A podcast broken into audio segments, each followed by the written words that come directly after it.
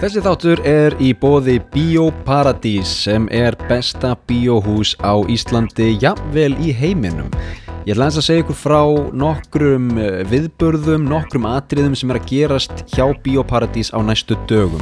Fyrir það fyrsta, förstudagspartísýning í þessari viku, 7. apríl, klukkan 9, Jesus Christ Superstar frá 1973. Þetta er einn vinsalæsti og frægasti söngleikur allra tíma, þetta er náttúrulega bíómynd en þannig eru lög á borð við Hosanna og uh, fleiri góð kíkið á það 7. apríl næstkomandi förstu daginn í þessari viku klukka 9 Jesus Christ Superstar síðan er það í næstu viku 13. apríl ef þið fílið Metallica þá er þetta fyrir ykkur það er nefnilega hlustunarparti í Bíóparadís 5. daginn 13. apríl klukkan 7 og klukkan 9 þetta eru tveir tímar eða þess að tveir mismunandi tímar þetta er í tilefni af útgáfu á nýjustu plötunni hjá Metallica 72 Seasons sem kemur út daginn eftir Þarna eru viðtöl við hljómsveitina þar sem þeir fara yfir öll lögin og plötunni ásamt því að við sjáum brot úr tónlistarmyndböndum og fleira gott. Ef þið fýlið Metallica, missið þá ekki af þessu hlustunarparti 13. apríl, 5. daginn í næstu viku. Og loks er það gott fólk, önnur föstudagsparti síning 14. apríl, Pulp Fiction, takk fyrir. Þetta eru gimp, þetta eru ræningjar. Það eru 5 dollar milkshakes. Það eru royal with cheese. Það eru bartar, það eru flott föt. Það eru dansadriði, það er alltaf frétta í Pulp Fiction og þessi mynd hefur verið í síningu í Bíóparadís áður. Þá var uppselt á partysýninguna þannig að ef þið viljið sjá Pulp Fiction í Bíóparadís 14. apríl næstkomandi. Þá skulle þið panta miða right now. Annars verður uppselt.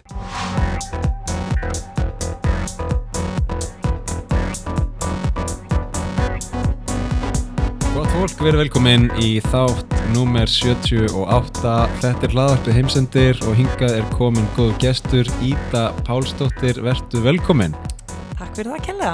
Hvað segir gott? Ég er mjög hress. Það ekki? Jú, bara indislegt að vera hérna í Tókjó bara svo frábær borg og já, reyndar náttúrulega grænandi rigning og allt svo leiðis en maður gerir bara gott af því. Já, þetta er svona smá hérna, heimsenda fílingur yfir, yfir borginni þegar það rignir svona. Það er núna sko kirsuberja uh, vertíðin, sakura, hanami uh, falleg blómstur út um allt en svo einhvern veginn rignir þeim svolítið burt núna í rigningunni. Já, þetta er svona leðilegt maður held maður að koma á langbæsta tímunum hérna og líka bara upp á það vera út og rölda og svona, maður svona nenniði kannski aðeins minna. Já, já, já. En þetta er sant, maður sér fegurinn í þessu trátt fyrir það. Er, þetta ekki, þú veist, er Tókjó ekki best sko, ef það er rigning þá er Tókjó best á kvöldin? Já, og hún er, hún er geggja á kvöldinni rigningu. Ég fórum mitt út í gær með mannum mínum fórum á smá date night mm -hmm.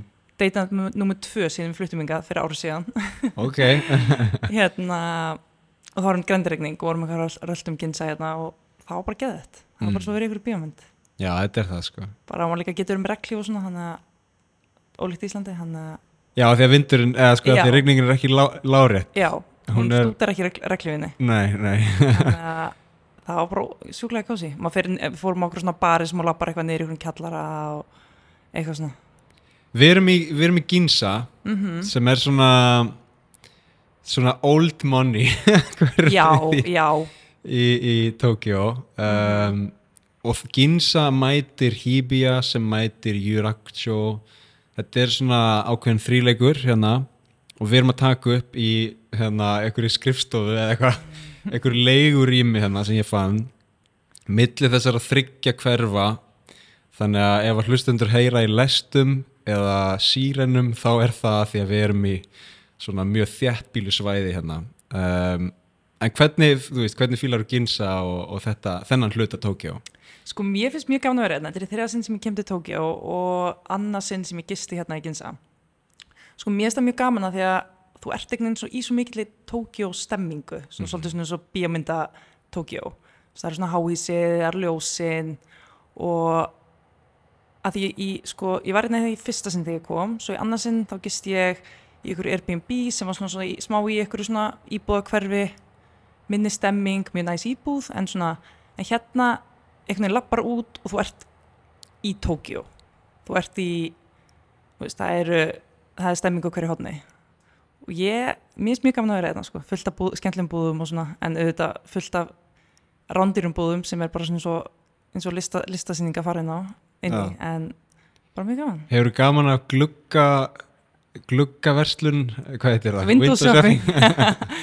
Já, klálega og bara já, maður verið svo inspirer, inspireraður hérna í, í Tókjó yfir höfuðu sko og maður verið svona að vera inn í ginsaði svolítið svona emitt, þú, að, lang- þú veist þú þarfst að vera mjög successful til að hérna geta veslað alvöru hér sko Já, já, en samt mjög gaman Hve- Hvernig finnst þér, sko, við förum betur yfir eftir að, að því að þú ert náttúrulega búin að vera í Kyoto og svona mm -hmm.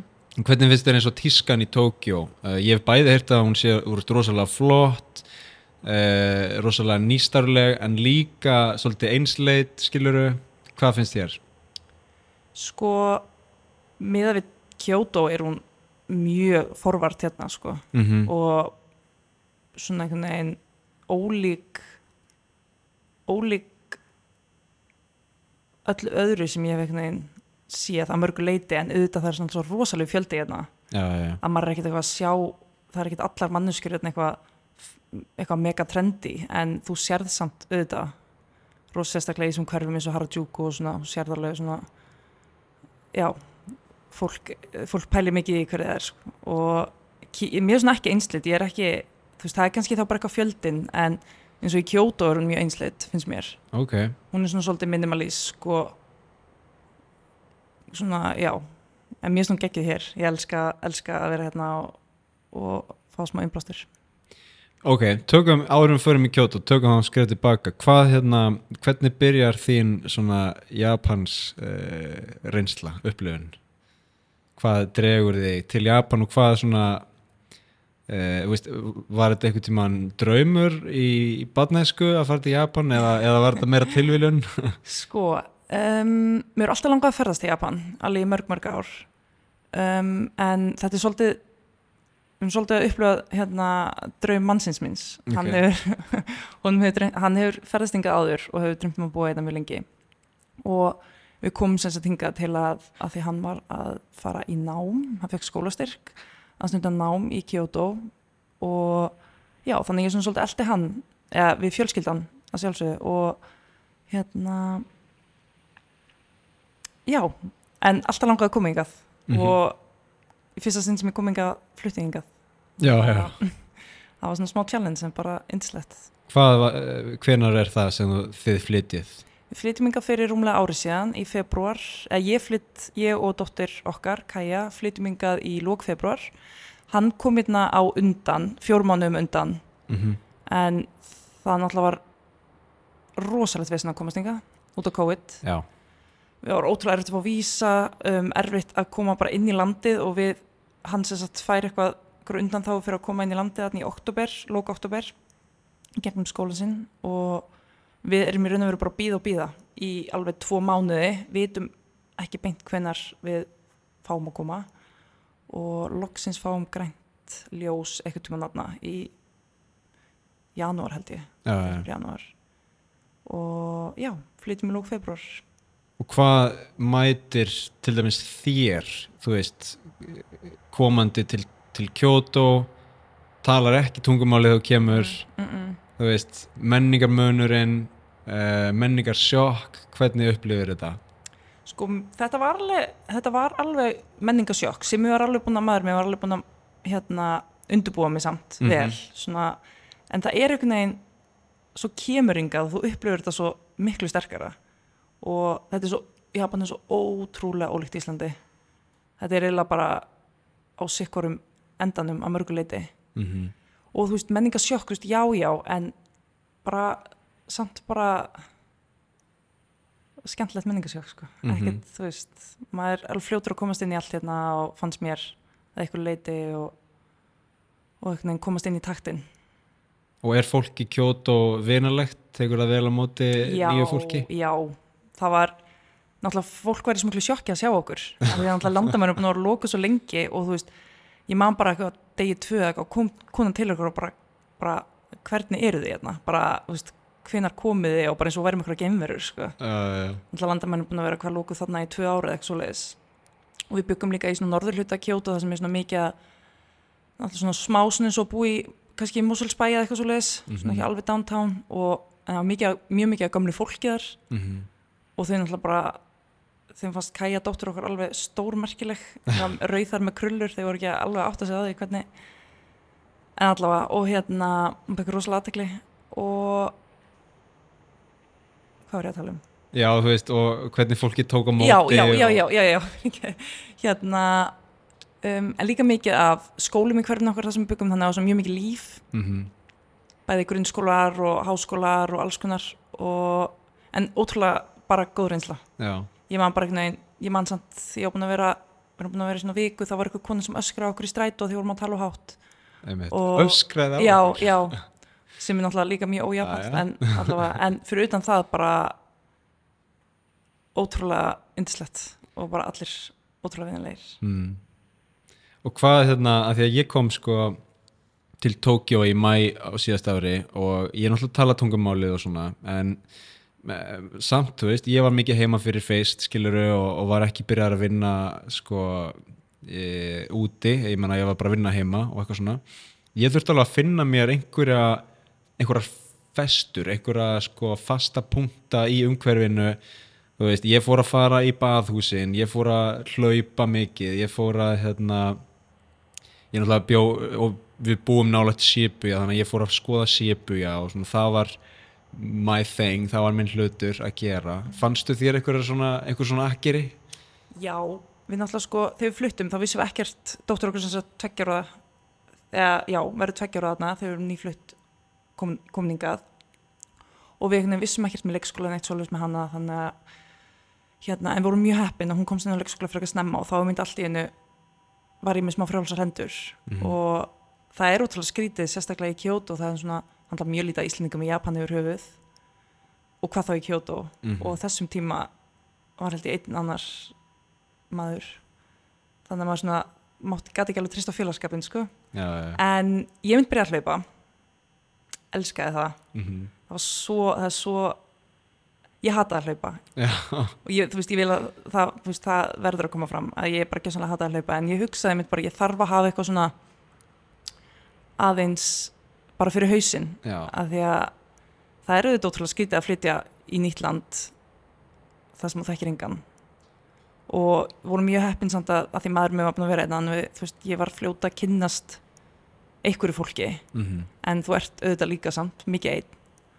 Og já, þannig að já, það var svolítið hlaupið var svolítið það sem ég gerði. Bara Mhm. svona svolítið að, og bara svolítið að huga að bara líka svona bara andleri hilsu bara svona svolítið fókus á það. Bara hérna, gefa mig tími í það -hmm. og það er einhvern veginn það er svo lífið gerist svo hratt og maður einhvern veginn gefur sér ofta ekki tími að aðeins að eða maður bara getur ekki haft tíma í að huga þessu öllu saman. En þannig að það var svona mjög, mjög gott að bara einhvern veginn huga líka með sál svona fyrstu mánuðina. Það er eiginlega aldrei sem maður nær því sko. Uh, þegar ég, ég, þegar ég var í skiptinámi eh, hérna fyrir tíu árum eða tólf árum eða eitthvað þá fyrst sko kunni ég ekkert japansku og allir tímarnir í skólanum voru á japansku og ég skildi ekki neitt. Þannig að ég fór bara að lesa fór að lesa enskar bókmyndir eða bókmyndir á ensku. Og þú veist, það eina það er eina árið í lífi mínu sem ég hef haft bara mjög mikinn tíma til að lesa. Og ég las 26 bækur á einu ári. Oh my god, já, ég la- einmitt las mjög mikið. Ég er endar ekki búin að vera duglega þessi 2-3 mánuði en ég var einmitt mjög duglega að lesa. Allt í nöðu vorum að flytja, núna átti ég bara miljón bækur sem ég var bara, þú veist, ok þú veist, ég var, einmitt, það er ekki lesið bók bara í einhver ár, sko. Og þetta er svona þetta er eina, eina af mínum bestu minningum frá þessum tíma að hafa getað lesið svona mikið.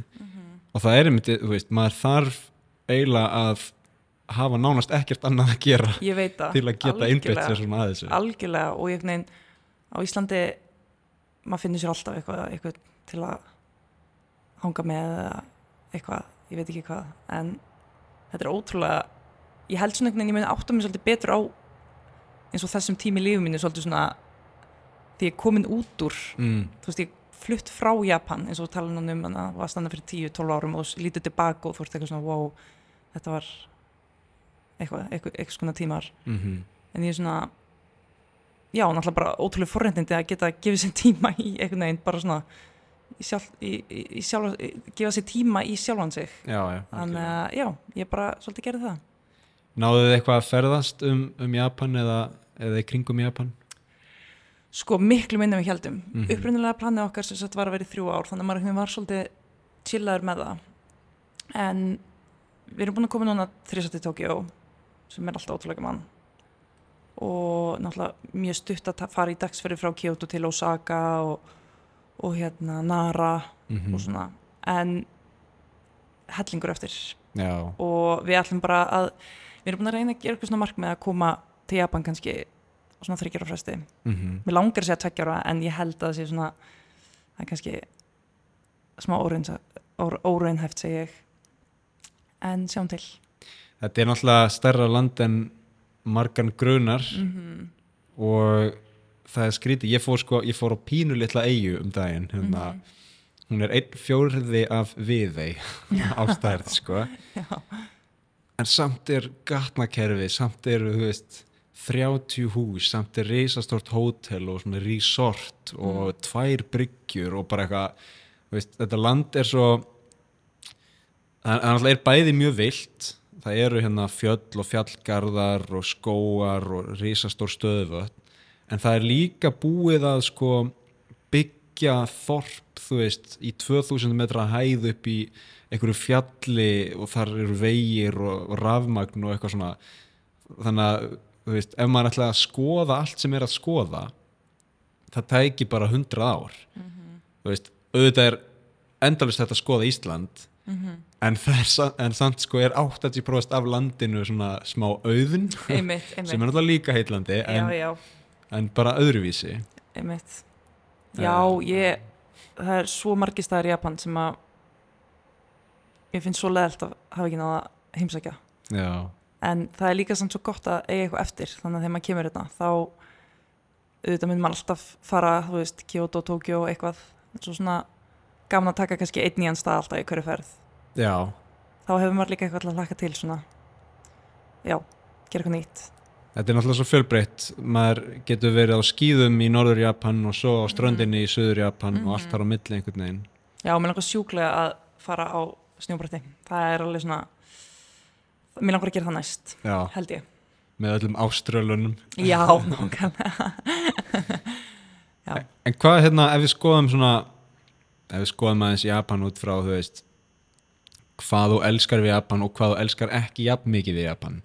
Mm uh, við getum kannski byrjað á hérna hvað elskar við Japan Ok, það er, það er hellingur. Ég elska fólkið hérna.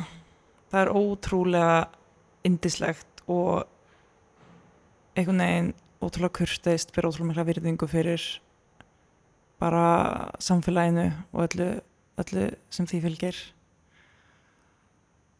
Ótrúlega fallegt, þú veist, bara einhvern veginn að labba út á daginn og labba út í daginn og það er bara einhvern veginn allt í kringum þig fallegt mm -hmm. það er eitthvað svo þú veist, talandi um að finna sér eitthvað ég, veist, ég var að segja, ég var að hlaupa og lesa og svona líka bara að lappa ég bara aldrei lappa jafn mikið bara á æfinni og það er því hún nenni þú veist, á Íslandi, þú veist, ég bú- bý í gamla vesturbænum, þú veist, ef ég lappa eitthvað meira heldur en tvo kílómetra þá er ég bara komin á miklu braut eða eitthvað og Já. þú veist, í einhverju roki eða eitthvað, þú veist, ég er, ég er ekki þú veist, það getur alveg verið fallegt sjálfrænd á sinn hátt en einhvern veginn allt hérna í Japan er svo fallegt. Um, hvað elska ég meira? Um, ég elska að vesla hérna.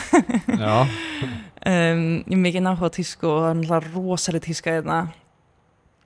Og sjúklega geðveikt gott svona góðar second hand búðir, þriftbúðir já, já, já. bæði með svona rosalegum designvörum sem er náttúrulega bara gaman að skoða og láta sér dreyma um og líka þessar stóru, það sem að bara það sem ég fer og ég er bara í þrjá tíma að fara í gegnum einhver hrúa fötum og þær kosta allar bara eitthvað 500 kall stykki eða 300 kall eða eitthvað. Mm -hmm. en þú þarft að put in the hours sko. Já, og þannig ég það er gæðveitt og ég fæ stundum þegar ég fæ svona, ég fæ stundum svona um, þetta er auðvitað ekki heilbritt en ég fæ svona, mér langa bara í eitthvað og þú veist, mér langa bara að kaupa mér eitthvað og ég get ekki, ekkert að ég gert það með liðið svona. En ef maður er á Íslandi þá þú veist, hvað maður að gera þessu tilfinningu þú veist? Maður getur fara á netið og vestlað eitthvað sem þú mynd svo ekki nota og þeir alveg samum með hvað sem er eða þú veist, þú þarft alltaf eða einhvern 30 skalla eða hvað sem er og fara þessu tilfinningu hérna get ég farið í einhverja þriftbúð, kefti einhverja tvær flíkur sem eru gæðigar og ég hefði bara 500 kalli já, já. mér líður ekki ræðilega og hérna já, þannig að ég eftir að sakna þessu mjög mikið Er eitthvað hægt að flippa fötum? Eða þú veist, já, það er kaupa hér, selja annars staðar? já, það er hægt, það er hægt og hérna já, ég eftir að sakna þess mjög mikið að, að fá útrás fyrir svona þessi svona þessari hlið á mér Mhm. hérna úti en það er líka mjög gott að sitja í smá dvala og bara lefin aðeins að ég komi mjög góðan, góðan, góðan fattaskap eftir að hafa verið einnig ár sko. Já, já, já. um, já og bara það er alveg hellingur sem ég eftir að sakna bara svona, bara svona ró, það er mjög rólegt að vera í Kyoto til dæmis Mm. ótrúlega svona náttúrulega Tókjó miklu svona meiri stemmingsborg og svona meira, meira meira fólk og svona og ég elska Tókjó en svona að búa í Kyoto er mjög svona já, bara svona rólegt líf. Mm. ótrúlega einhvern veginn þægilegt. Ég eftir að sakna þess mjög mikið. Já, ég er samanlega því. Ég, hérna, að því vorum að tala um hlaupin og, og svona, og svo baðhúsið fyrir mig, sko mm það er ótrúlegt að, þegar ég fer að hlaupa í, í sko garðinum þar sem ég fer að hlaupa, af því að hann er svona þetta er svona eiginlega æfingabraut og þú getur bara hlaupið einn átt, ring eftir ring eftir ring þá ertu að hlaupa með einhverju fólki, svona semi. Náttúrulega ekki með, en gefið að þið séu þá sirka sama hraða þá einhvern veginn eru þið að hlaupa saman. Og ég finn svo mikið svona samfélag sko, ég finn einhvern veginn eh, að, að ég tilheyri þessum hlaupahóp eða þessu fólki þó við séum öll einstaklingar og tölum aldrei saman og spjöllum aldrei veist, þá eru við einhvern veginn að hlaupa saman og það er sama í baðhúsinu. Baðhúsin hérna eru ekki eins og vesturbælaugin þar sem fólk er að spjalla og ég vil spjalla svona af ástríðu um eitthvað. Þú veist, það er bara algjör þögn einhvern veginn og, og kannski svolítið hver í sínu, sínum heimi en mér finnst samt sko að það er smá svona að maður er að tilheyra og þú veist, maður fer í sánuna og það er alveg mökk heitt og það er allir alveg í rugglinu að því að það er svo heitt og þú veist, maður er einhvern veginn saman í þeirri tilfinningu. Og mér finnst það mjög næst, það næri mér mjög mikið jafnvel þó maður sé ekki að spjalla. Já, algjörlega, algjörlega samanlega því. Og eitt sem ég verða að bæta við sem ég mun sakna svakalega hérna eru samgöngunar mm. Ég kvíði þeim degi sem ég þarf að fara og kaupa mig bíl á Íslandi. Já, af því það þarf líklegast að gerast. En já, það er bara svo yndislegt að geta labbað út og farið í last eða buss eða hvert sem það er og bara hlusta á podcast eða tónlist eða hvað sem það er. Þú kaupir bara bíl í Japan ferð með ferjunni yfir til hérna Suðu Kóru og keirir kemur eftir landleina þrjá mánu já, gegnum Kína, gegnum Mongóliu Jesus Christ. Já, það er ekkert eftir á bílnum uh, en já, það er alveg rétt lestirnar og, og þægindin þú veist, ka- ég, þetta er örgulega svipað í kjóto en, en ég var bara að pæla í þessu gær sko að geta labbað í ræktina tekum mig 5 minútur að labba í ræktina Mhm. tekum mig sko 30 sekundur að fara í apotek tekum mig, þú veist, þrjár mínútur að fara í maturvestun Mhm. og í kringum húsið mitt eru svona 25 veitingastæðir Já, einmitt, einmitt. Ég veit að meiri sé ég sem bjó í svona svolítið svona útkverfi í Kyoto það var samt bara allt nákvæmlega sem þú sagðir á bara í tækja þryggja myndna labbi mm bara maturveslun og mót okkur veist, þrjár í sko mínútu mínútu labbi -hmm. eða radius mínútu, já. Og einmitt, það er svo það er bara svo mikið lífskeiði já, já, og maður kann svo mikið að meta það bara, já, það er einhvern veginn Ég, ég var að tala með það í síðasta þetta hérna, þegar ég var að fjalla um ka- karri-morðingjan í Wakayama að Japan væri nú almennt mjög örugt land mm hvernig upplifur það? Hvernig Já. það? það er svo, bara, já, ég uppilega Japan mjög örugt og sérstaklega með bann og það er ótrúlega mikil kostur og já, náttúrulega Ísland líka örugt land svona um að með, með að við en þú veist, Japan er bara svo stórt Mm að einhvern veginn vitandi að það sé örugt er rosalega gott. -hmm. og ég hef aldrei upplegað með óörga hérna, held ég. Nei, ég held bara ekki. Og já, ég er alveg samanlega því. Það er mjög örugt og gott að vera hérna. Það er náttúrulega klikkað að sjá oft skólakrakkana og, og börnin bara, jável, þú veist, bara ég veit ekki, 5 ára, 6 ára Mhm. krakka í skólabúningum, bara Já. sjálf eitthvað já, Hörðu, lestinu þarna, einmitt, fórum í lestina." einmitt, einmitt, einmitt. Þau eru náttúrulega, já náttúrulega fyrir utan það hvað það er ótrúlega krútlegt sko. Já, þá er það, það er alveg magnað það er svo að vera ykkur í Studio Ghibli mynd sko. já, ég veit það og eru krútlega í þessum skólabúningum og eitthvað, Jesus með svona har, harða bak já, hérna, eitthvað skólatösku. rísa stóra bara ótrúlega að halda jafnvægi sko. Já, og já, en maður sér ekkert neginn, þú veist, náttúrulega dóttur mín er leik, japanskum leikskóla mhm, náti og þau eru bara eitthvað svona mér liður svo japansbött, þau eru bara eitthvað agaðri heldur en önnur. Ég veit ekki, kannski er það bara kannski er ég ímynda mér það, ég veit það ekki en mér liður bara svo, þau eru öll eitthvað svo já, bara öguð já, og góð, ég er ekki auðvitað öll börn öskra og grenja og allt þetta en það er ekkert neginn, það er ótrúlega svona auðu stemming Mm. yfir þeim, finnst mér. Já, þetta er líka bara með fegurðina, þú veist, þetta, svona fegurð sem konsept er svo er svo á, svo á sér svo djúpar rætur í japanskri menningu að þetta er eiginlega komið bara svona þetta er ósjálfrætt viðbragð þú veist, að, að geta séð fegurðina í hlutunum, sjá fegurðina í innfalleikanum, sjá fegurðina í aganum og í sko þögninni þú veist.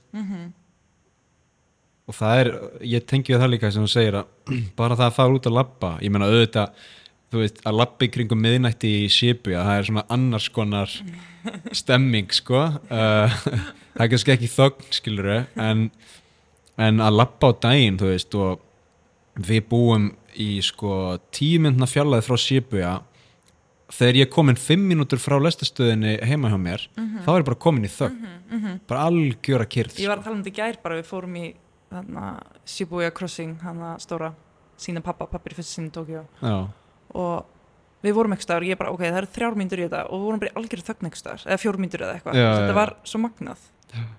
Ég var einmitt líka, svo tóku um lestina heim þaðan og hérna það var frekar sent um kvöld og fórum um inn í lest þarna hjá Shibuya Station sem er risastór, mm fullt af fólki í lestinni. Og klukkan var orðin hálf nýjum kvöld og algjör þögn nema auðvitað pabbi minn og maðurinn minn að tala ekkit eðla hátt saman eða þeir voru ekki að tala hátt saman. Það, bara, það virðist svo hátt þegar enginn segir neitt. Já, og dóttir mín var sjúklega þreytt þannig að hún var að horfa á hérna, eitthvað teiknumynd í símanum mínum. Og það mátti ekki lækka það var hann alveg brjáluð. Mm þannig að það var bara hérna alveg þögn og svo þeir að tala saman og dóttir mín að horfa okkur teiknumynd sem var ókslega hátt og ég var bara veist, já þetta var allt svo dramatíst, allt svo ykt allt þetta hljóð var svo ykt að því það er algjör þögn. Já, já, já.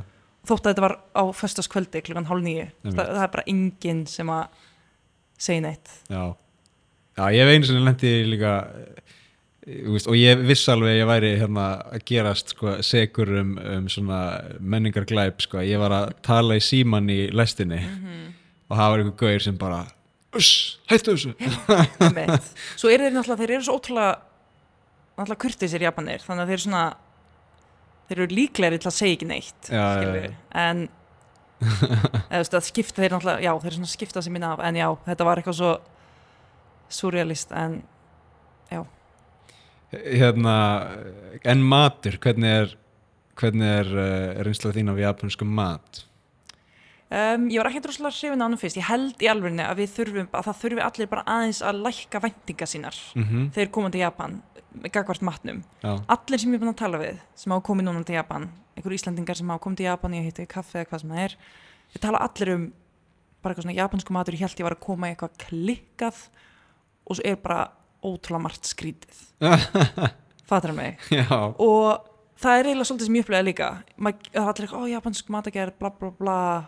veist, hún er mjög góð en hún er líka mjög skrítin já, og mjög ólík eða, þú veist, nei, ok, ekki mjög fiskur og allt þetta, en svona þannig ég held en það tók mér smá tíma, ég fíla japanska mat mjög vel núna en það er að búin að finna það sem ég fíla. Mhm, um, mjög margt sem ég fíla ekki en þá líka bara hætti ég að reyna að borða það. Ok.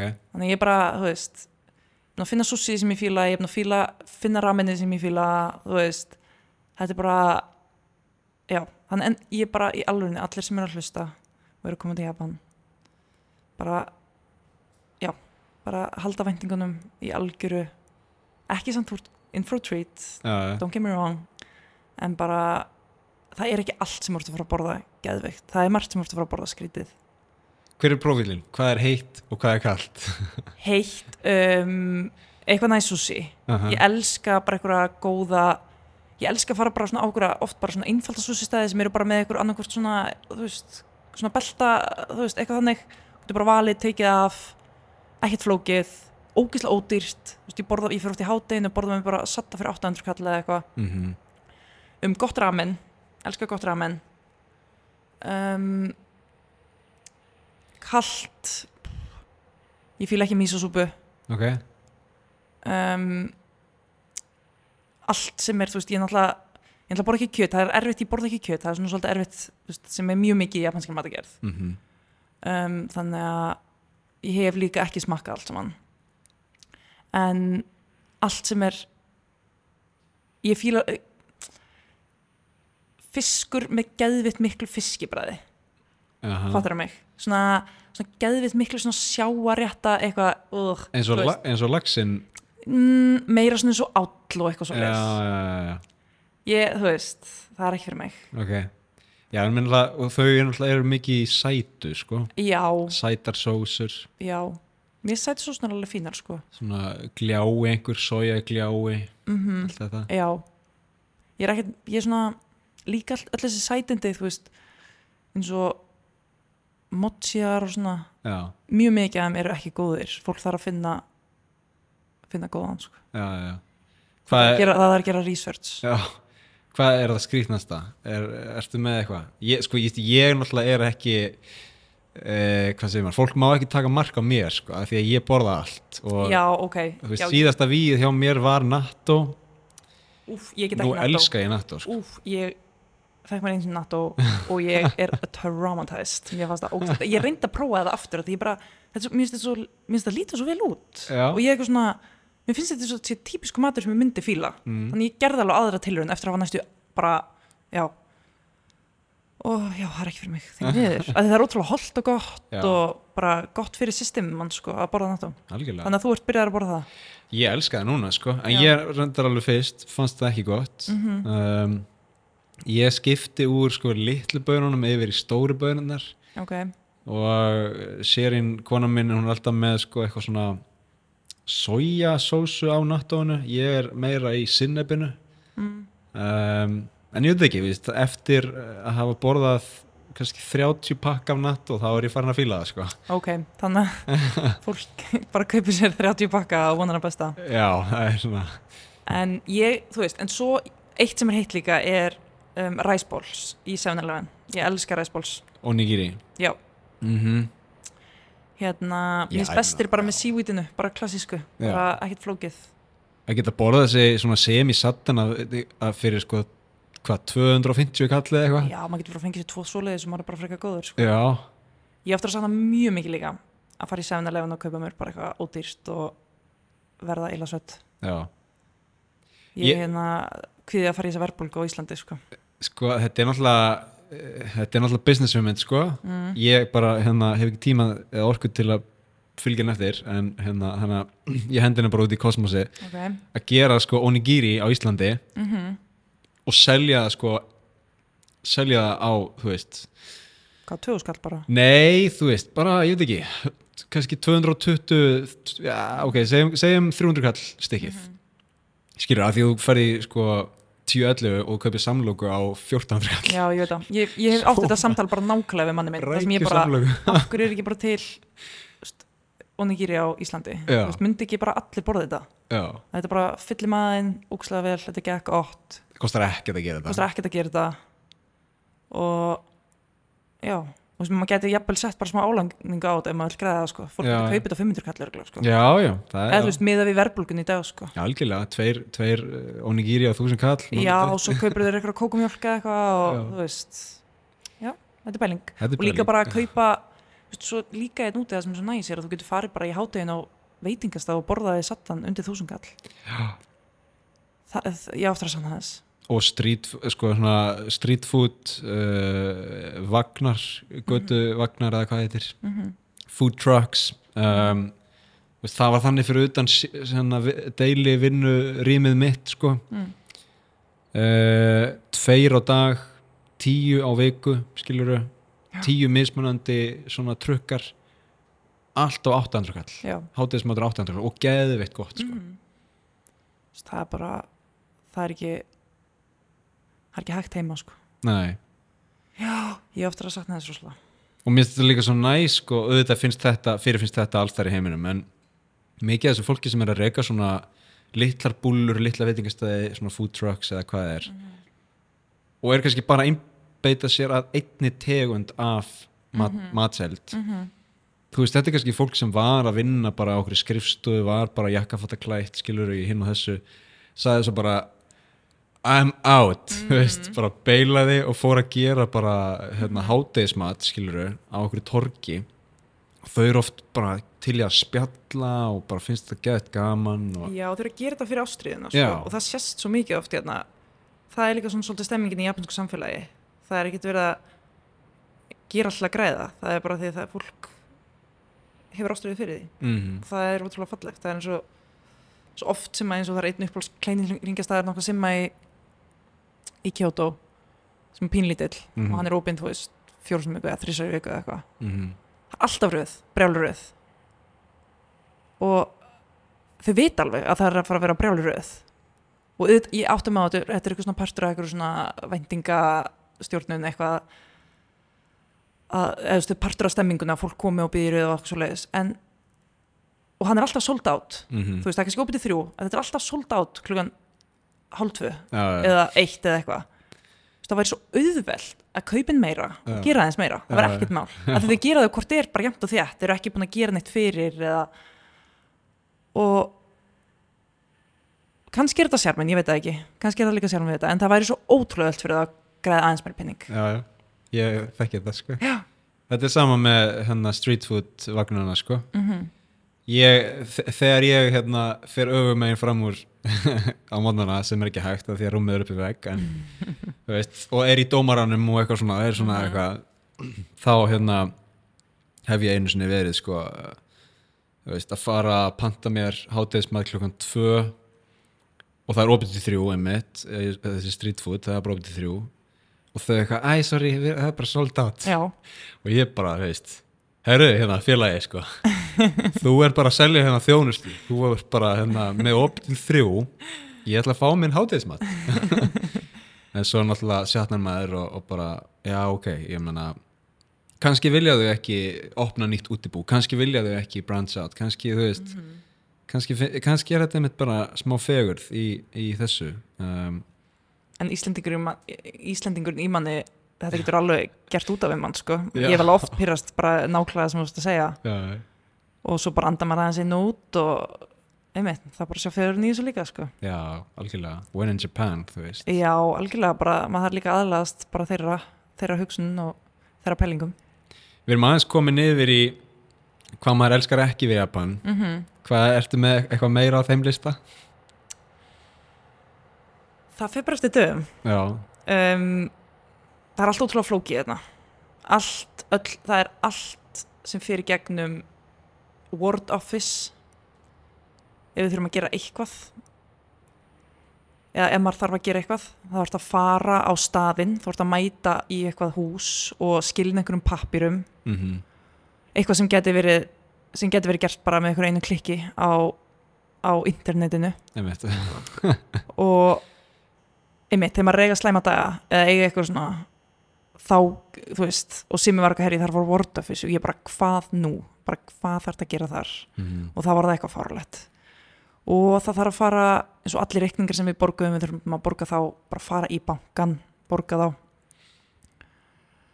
Ekki træðilegt en það væri alveg það ég held að geta slefti að Mhm. labba út úr húsinu og gera þetta.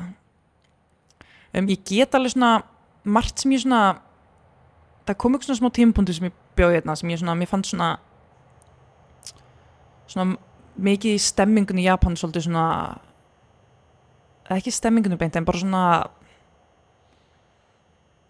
hvernig einhvern veginn mjög mikil sexismi hérna og maður skinjar það bara mjög mikið. Bara, og það er ekki eiginlega hægt að lýsa maður bara skinjar það að það vera hérna.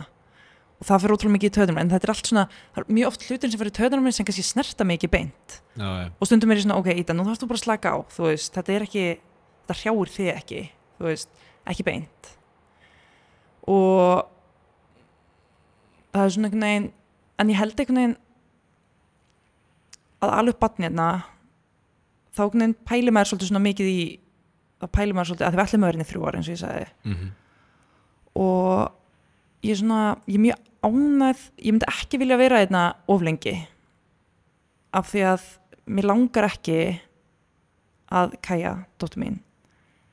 Alist upp í svona þetta er ekki, ekki bælt umhverfi en þetta er svona svolítið svona sérsta, ég held að Kyoto sem mjög ykt í þessu. -hmm. fólk einhvern veginn svona expressar ekki beint eins og ég hef, ég hef einu sinni í Kyoto séð tvær konur haldast í hendur Mm og það getur ver, vel verið að þær hafi verið vinkunur ég veit það ekki, já, já, þú einhvern veginn svona tjáir ekki tjáir það ekki svona hvernig þið líður eða hvernig þú veist, eða þú ert samkynniður eða hvað sem það er. Og svona einhvern veginn mér langar ekki að kæja allist upp í þannig umhverfi ef ég var alveg hreinskilin. Og að því að einhvern veginn fyrir mér persónulega þá vil ég að hún sé bara exposed to bara að vera bara eins og þú ert og þú getur bara gert það sem þú vilt og ekki endla bara eitthvað sem tengist þessu en bara, svona bara í lífinu bara mm Mhm. getur einhvern veginn. Þannig að ég held að það fari mjög mikið í töðunar mér. Og þetta er svona hlutur sem að kannski snerti mikið beint í dag en ef ég verður að fara að vera hérna þá finnst mér það finnst mér það mjög erfitt. Mm að batni mitt væri orðin 7 ára eða 8 ára og hafi þú veist, bara myndi hafa aldrei séð tvo kalla eða tvo, tvær konur eða eitthvað saman eða ég veit það ekki. Já, svona, fyrir mér er skiptum við máli að batni mitt sé í kringum alls konar fólk. Já, og það er svolítið einsleitt fólk í Kyoto. Já og líka þú veist það sem er svona að gerast annars staðar í heiminum sérstaklega hvað var þar svona opið hugafar og, og, og framsækni skiluru um, og að taka við nýjungum og taka vel í breytingar og allt það skiluru, það blæðir ekki ekki inn í Japan, þú veist, það er Mhm. ekkit endilega mikið umræðinu hérna, skiluru, Nei. ef það er eitthvað ef það er eitthvað bylting eða eitthvað að eiga sér stað hinum en á nettinum, skiluru, þá þá stundum það ekki alveg, alveg Nei, hingað, sko. það skilur sér ekki alveg. Og líka bara eins og þetta, þú veist náttúrulega eins og skólarinn í Japan það er náttúrulega allir í skólabúningum sem er allt gott að blessa en það er einhvern veginn um, ég var að lesa grein við eina hérna stelpu sem er sem sagt hálf svört og hálf japansk sem bjó ólst upp í Japan. Og hún var einmitt að tala um að þegar hún var hérna hún mátti ekki setja hár sitt í fléttur í Japan í, já, og hún þurfti að fá eitthvað sérstætt leifi og sannaði að hún var ekki með litað hár því að hún var með, þú veist öðruvis litað hár heldur en krakkar í Japan eða Japan, japanski krakkar. Mm og strákar með ekki vera með þeir þurfa bara að vera með eitthvað ákveðna klippingu. Allt svona finnst mér ekki alveg í lagi. -hmm. og Já, algjörlega. Og þú veist þau eru náttúrulega mörg hver og, þetta er, og það er náttúrulega þú veist, e- eins og sem rasismi í Japan mm hann er mjög skrítinn af því að hann er svona auðvitað eru dæmi um bara bara eh, beinan rasisma bara algjörlega hérna, rasiska hegðun og rasiskar hugsanir og allt það en oft á tíðum finnst mér þetta meira að vera fáfræði skiluru og það að fólk hafi ekki reynslu af því að vera í kringum einhvern sem kannski lítur öðruvísi út dæmi bara, þú veist, við sérinn kona mín fórum á einmitt, þetta Ward Office Kujaksjó, skilur er ráðhúsið eða whatever að eh, skoða lífeyrismálin við erum að, eitthvað að að skoða það. Og hérna og þú veist, konan sem var afgreða, hún spyr mig bara, herru, ertu með hérna, ertu með útlendingakortið þitt? Og ég bara, já, já, ég er með það gera svo vel og svo spyr hún sérinn, skiluru, sem er japansk spyr bara, ertu með útlendingakortið þitt? Uh, nei, hvað menn ég á ekki bara sína skilriki nei, ég verð að sjá útlendingakortið þitt. Og hún bara, ég er japansk. Ó, ó, fyrirgeðu, fyrirgeðu, fyrirgeðu Þú veist, þannig að þetta er þetta er ekkert illa meint skilur en þetta er bara um, ég meina sérinn er búin að búa í, eða skilur er búin að vera í Japan í 20 og skilur 6 ári eða eitthvað og það er og, og hún er örugglega búin að lendi í þessu 2000 sinnum. Einmitt, og það er ekkert endilega að fara að breytast á næstunni nei, einmitt. Ég veit það, þetta er þetta er skrítið. Og það er bara svo segir, það, svo, það virðist ekki svona allar þessar byltingar sem er í gangi í heiminum þær virðast ekki skila sér allarleið hingað sko. Nei. Ég, hérna, mér finnst rosalega uh, sko náttúrulega bara hræðilegt ástand í Evrópu þegar kemur að stríðinu og svona, en mér finnst svolítið áhugavert að fylgjast með því. Um, ég líka ofta á YouTube uh, yfir einhverjum svona greiningar myndböndum á þessu. Og þegar ég tala um, þú veist, stríði í Úkrænu við fólki í Japan, þá eru þau oft bara já, æ, þetta er náttúrulega mjög leiðilegt. Hérna, hvað er að fá okkur bara en er þetta ekki líka bara svona svolítið svona þau eru eitthvað svo þau tala ekkit of mikið um þau eru ekkit að fara oft djúft í málun oft. Nei, nei, veist, þetta er óþælt fyrir þau já, að tala um þetta og þá bara frekar sleppaði þau. Já algjörlega, og líka þú veist svo er líka fólk bara mismunandi. Ég meina þegar við erum að fara uh, skiluru í drikk eða, eða mat á kvöldin einhverju vinir eða vinahópur veist, þá er ég bara alltaf komin í eitthvað hérna, eitthvað, aðja, hérna Japan, Kína, Norður-Kórea skiluru, let's go, hvað er það kínast? Þau bara eitthvað, þú veist, herri, ég er búin að vinna í 12 tíma, Já. ég bara nennis ekki já, skilurðu. einmitt, bara ekki núna. Nei. einmitt, Þannig að þetta er svona um, Já, en ég minna, þú veist á hinbóin þá er náttúrulega Japan rosalega stórt land og þau eru sjálfum sér næg hvað var það mjög mikið. Mm rosalega uh, þú veist, ég, reyndar, ég myndi segja að til dæmis japansk sko japansk, japansk kvikmyndarframleysla er að hérna, koma sterk í gang núna mm. en ég hu- hugsa að allir hafi gott að að kíkja á það sem önnur löndir gera líka já, en oft finnst hann eins og þú veist eins og eh, margir í Japan horfi bara á japansk stöf horfi Já. bara á japansk anime ho- hlusti bara á japanska tónlist Mhm. kannski Mhm. um, og þú veist, markaður náttúrulega er það stór að, að þú getur í raun búið bara í Japan án þess að skoða neitt annað og upplifað Mhm. alls konar. Einmitt. En náttúrulega líka partur af því náttúrulega eins og hérna í Japan eins og mann vorum að tala við hérna sá sem hérna yfir leikskóla kennaran hennar Kæju, mm leikskólan þá var hún að tala um að hún hefði bara einu sinni farið til útlanda. Hún er þú veist svona í kringum örgulega færtugt eða eitthvað svo leiðis -hmm. einu sinni farið til útlanda farið til Ástralíu og er ekki líka bara partur að fólk ferðist minna er bara það, þú veist, það er, ekki, það er ekki há laun hérna, þú veist, fólk getur ekki verið að ferða svona mikið, Mhm. eða hvað hva heldur þú?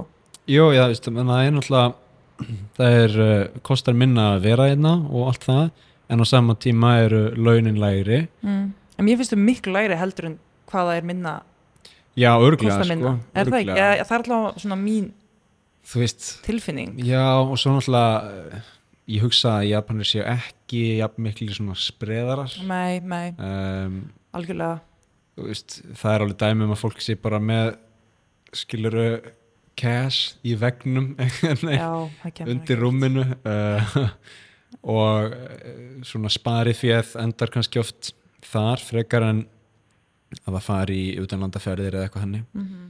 En, en svo náttúrulega á móti kemur, þú veist, fólk fer í kannski meira innanlandsferðir Já, já, einmitt, einmitt. Náttúrulega, Japan er náttúrulega svo fjölbreytt, þannig að það er þetta og náttúrulega mjög oft eins og núna er ég, að koma í þriðasindi Tókjó og fullt af fólki sem maður kannski hittir að spjalla hans við, við hérna Japanir, hafa aldrei komið til Kyoto til dæmis Mhm.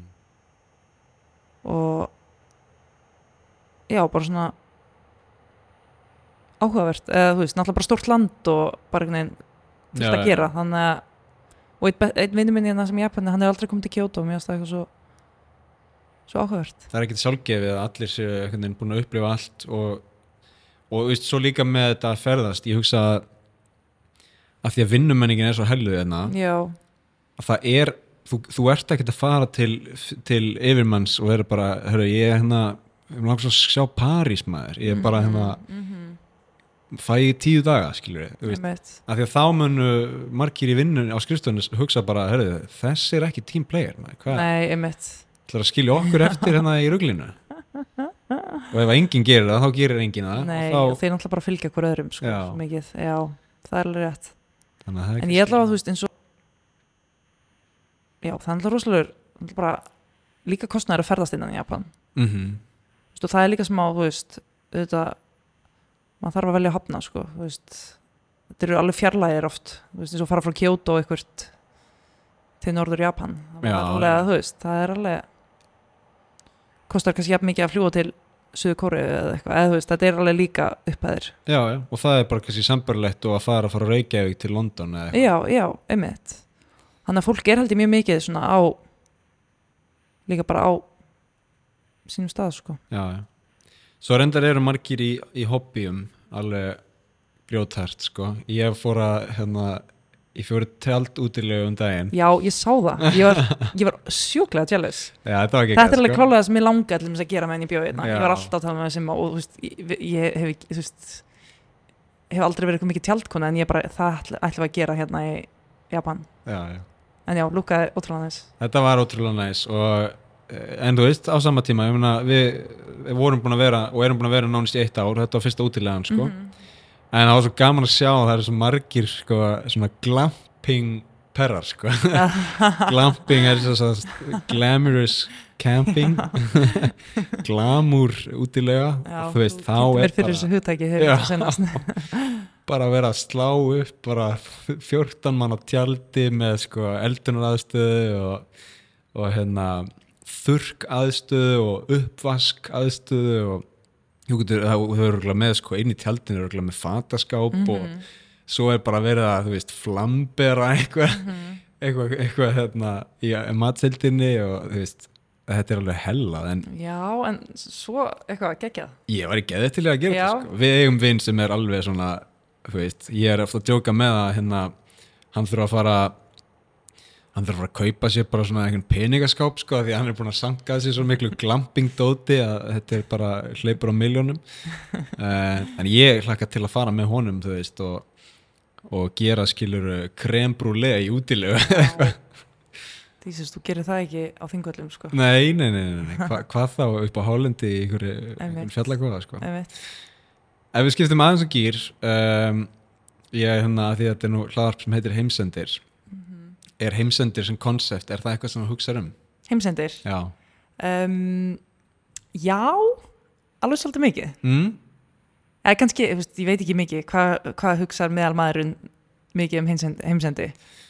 Ertu með eitthvað tölur? Já, ekki sko, ekki svona rindartölur en, en ég myndi halda ekkit rosalega mikið Nei, ok Ég er alveg með svona smá kvíða yfir heimsendi, heimsenda mm ef ég, ætti, ef ég var alveg, alveg hreinskilin ég kannski hugsa ekkit, ok, ég hugsa kannski ógislega mikið um það og ég er ekkit eitthvað ég er ekkit eitthvað ég veit að það mun vonandi ekki gerast á mínum, mínum lífstíð meðan ég lifi en já, ég pæla alveg svolítið því. -hmm. en svo inn í end, svo, þú veist, svo pæl maður í því og þá, svo maður eitthvað, ok, og, og, og, og hvað, veist, þá bara gerist það og Hvað er einhver, einhver ein, einhver ein tegund frekar en önnur sem þú hugsaður um? ég er alltaf með mjög mikið lofslaskviða Mm. ætli ég pæl ekki mest í því. Já, ætli það sé ekki svona mitt svona og ég er svona, ég er hún þannig ég er svona næstu get, þú veist, the less you know the better skilur það sem ég, svona, já. ég get ekki séð hvað við erum fucked á því, ó, sorry. Fyrirgefðu, ég Nei, ætla alltaf leið, ekki- alltaf leið eða þú veist, ég svona, já. Ætli ég sé ekki bara aðlega lofslagskviðin Já Ég- þú lofslagskviðin? Nei, sko Heldur þetta reddist bara? Já, eða þú veist ég, sko, í fyrsta lagi þá er ég eiginlega svona búin að overdosa svolítið á hérna, svona loftslags fréttum sko, Mm.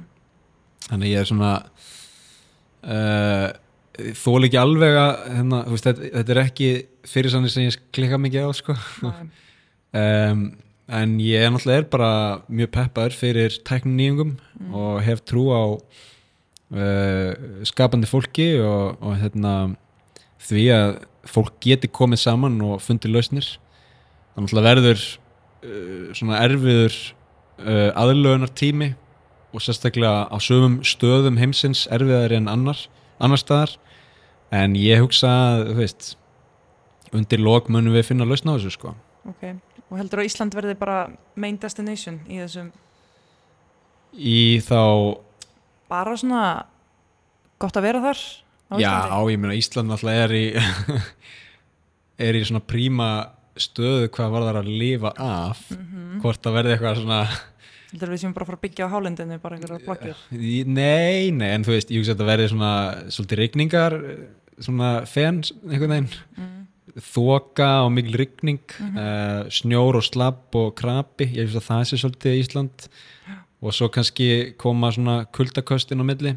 Mm en ég meina við munum aldrei klára ferskvatnið þú veist og við munum aldrei klára byggilegt land. Uh, við munum líklega ekki klára vassaflið í bráð uh, og orkuna. Og það þarf eitthvað mikla eitthvað stóran hérna, eitthvað stórt stökk í fólksfjölda eða fólksfjölgun á Íslandi til að við verðum í vandræðum með orkubyrðirnar. Um, ég er náttúrulega alltaf svona, mér finnst gaman að prepp hugsuninni, þannig að ég hugsa að það væri sniðut fyrir Ísland að fara að setja alvöru kraft í matvælaframlislu þú veist, að reyna að verða aðeins sjálfbærari þar. Já, ég samanlega því, sammála því.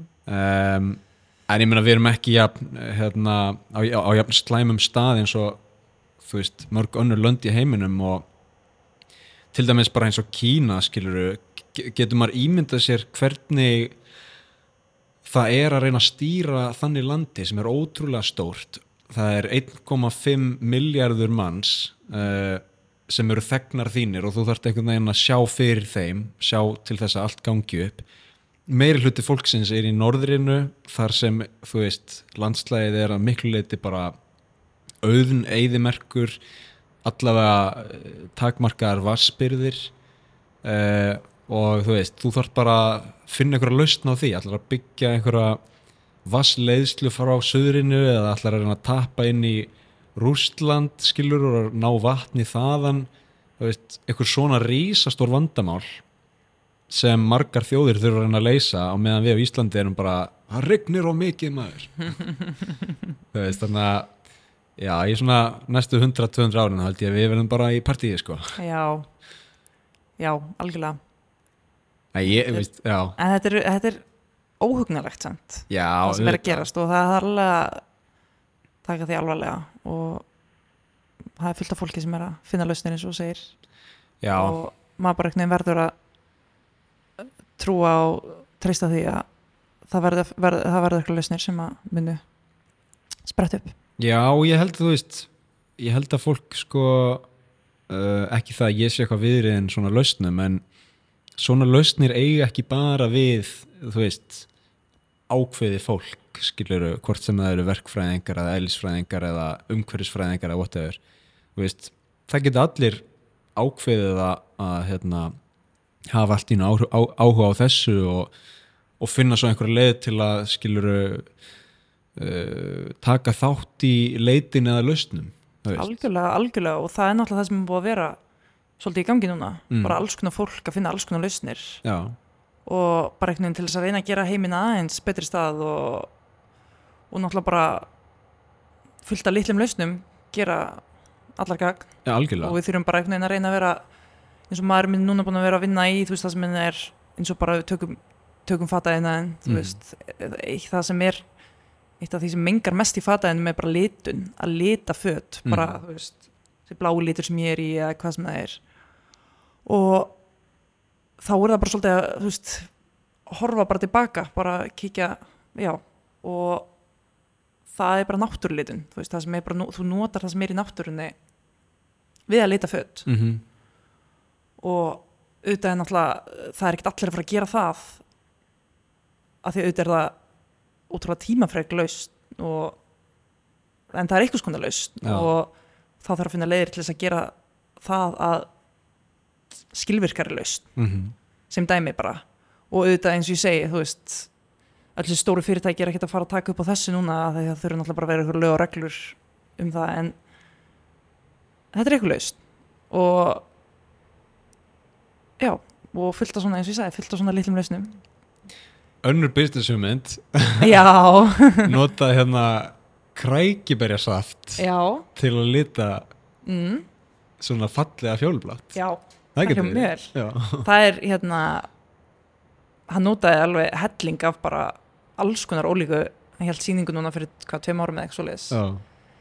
það sem voru bara á fullt að geggjum litum. Mm. en auðvitað er þetta, þú veist, hann er að týna þetta. Þú veist, þetta er ógislega hann er eitthvað út í náttúrun að týna eitthvað fullt og lita eitthvað lítinn bút og þetta er það meikar ekkit sens þannig en þá þarf að finna lausna á lausninni. Já, já. veist, hvernig er þetta að gera þetta skilverkara En það er bara eins og þú veist, startup fyrirtæki eitt af hverjum 20 mega sens Mhm. já, algjörlega. Hín eru bara eitthvað aðeins að ringsnóast en, en maður þarf 20 til að eitt megi sens. Algjörlega og bara einhvern veginn það, veist, allar svona hugmyndir gefa öðru fólki kannski líka eitthvað hugmyndir og Mhm. svo allt einu verður eitthvað stort Mm. það er hvað sem það er en ég held einhvern veginn að bara einhvern veginn við þurfum bara öll að það er bara svona er líka bara, það er líka, þetta er líka skemmtilegt það er gaman að finna lausnir, það er gaman að þú veist, við erum búin að vera svo miklu hérna miklum snúning bara seinustu ár Mhm. alltaf gerist svo hratt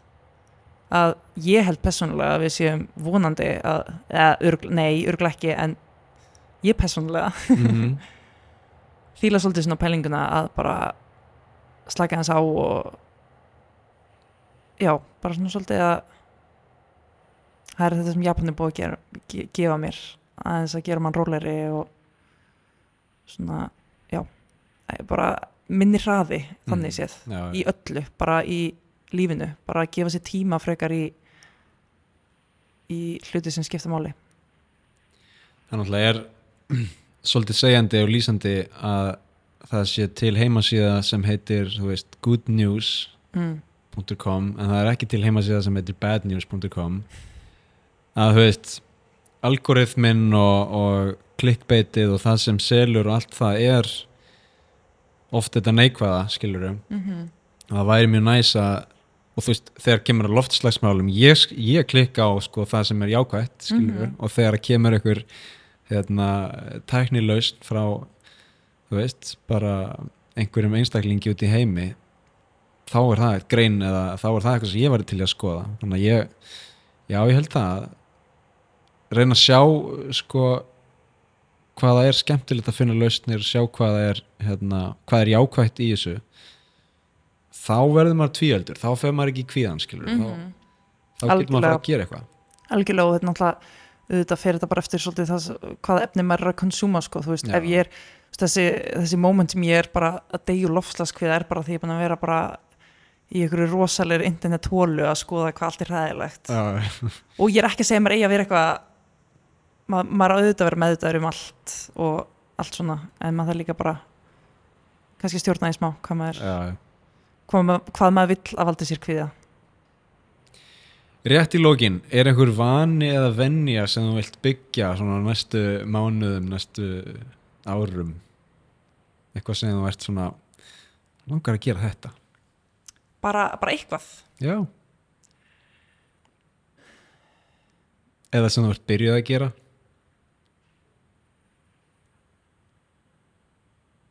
Vá, en ótrúlega góð spurning um, Mér langar að svona almennt langar mér bara að gefa mér meiri tíma í fólki í kringum mig. Og það alltaf tengist í svolítið að ég er að flytja til Íslands aftur sem sagt og einhvern veginn ekki búin að vera í kringum fólki mitt og mér langar að gefa mér svona alvöru tími í það. Og mér langar, ég er búin að vera svega liðlega að hlaupa mér langar að fara aftur í það. Og já, ég held það. En ég ætla að pæla í þessari spurningu betur. Mm? og ég ætla að finna mér eitthvað. Okay. það er potið eitthvað. Já, maður er alltaf að reyna að gera betur.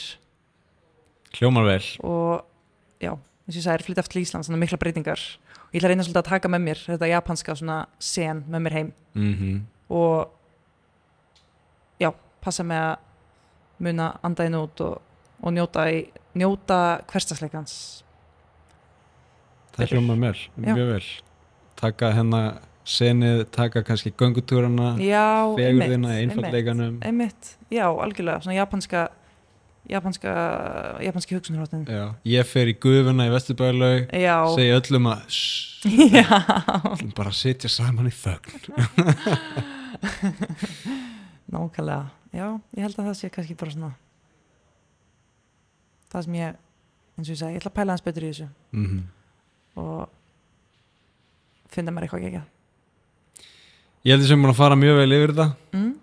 Ég segi bara takk fyrir komuna og góða ferð heim. Takk að, gaman að þýlgur heiður að fá að koma Já, heiðurinn allur minn megin